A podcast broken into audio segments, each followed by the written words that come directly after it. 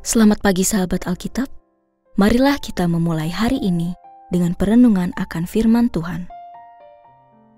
Bacaan Alkitab kita hari ini diambil dari Ulangan pasal yang ke-31 ayat 24 sampai 30. Sesudah Musa menuliskan semua perkataan hukum itu dalam sebuah kitab sampai selesai, Musa memerintahkan orang-orang Lewi pengangkut tabut perjanjian Tuhan demikian. Ambillah kitab hukum ini dan letakkanlah di samping tabut perjanjian Tuhan Allahmu untuk menjadi saksi di situ terhadap kamu. Sebab aku mengenal kedegilan dan tegar tengkukmu. Sekarang saja selagi aku hidup bersamamu, kamu sudah berlaku degil terhadap Tuhan apalagi nanti sesudah aku mati. Suruhlah semua tua-tua sukumu dan para petugasmu berkumpul kepadaku. Aku akan menyampaikan hal berikut ini kepada mereka serta memanggil langit dan bumi menjadi saksi terhadap mereka. Sebab aku tahu bahwa sesudah aku mati, kamu akan berlaku sangat busuk dan menyimpang dari jalan yang telah kuperintahkan kepadamu. Di kemudian hari, malapetaka akan menimpa kamu apabila kamu melakukan yang jahat di mata Tuhan dan membangkitkan murkanya dengan perbuatan tanganmu. Lalu Musa menyampaikan kata-kata nyanyian ini ke telinga seluruh jemaah Israel sampai selesai.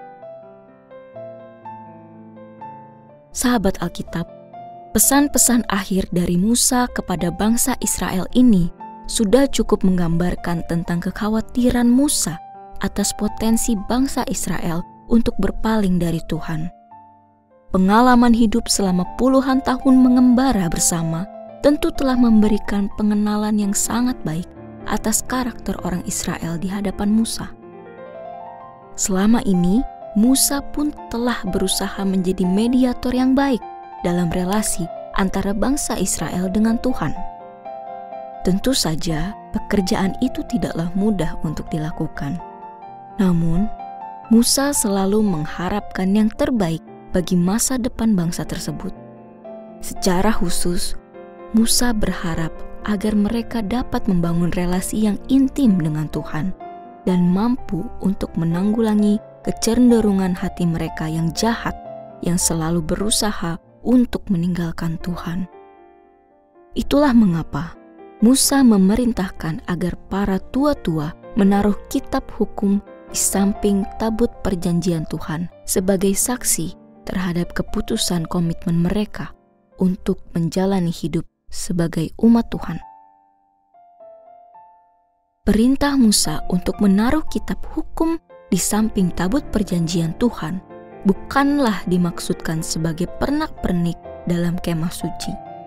Namun, hal ini memiliki nilai yang begitu besar dan penting dalam hubungan antara bangsa Israel dengan Tuhan, sekaligus sebagai pengingat mereka terhadap komitmen menjalani hidup sebagai umatnya.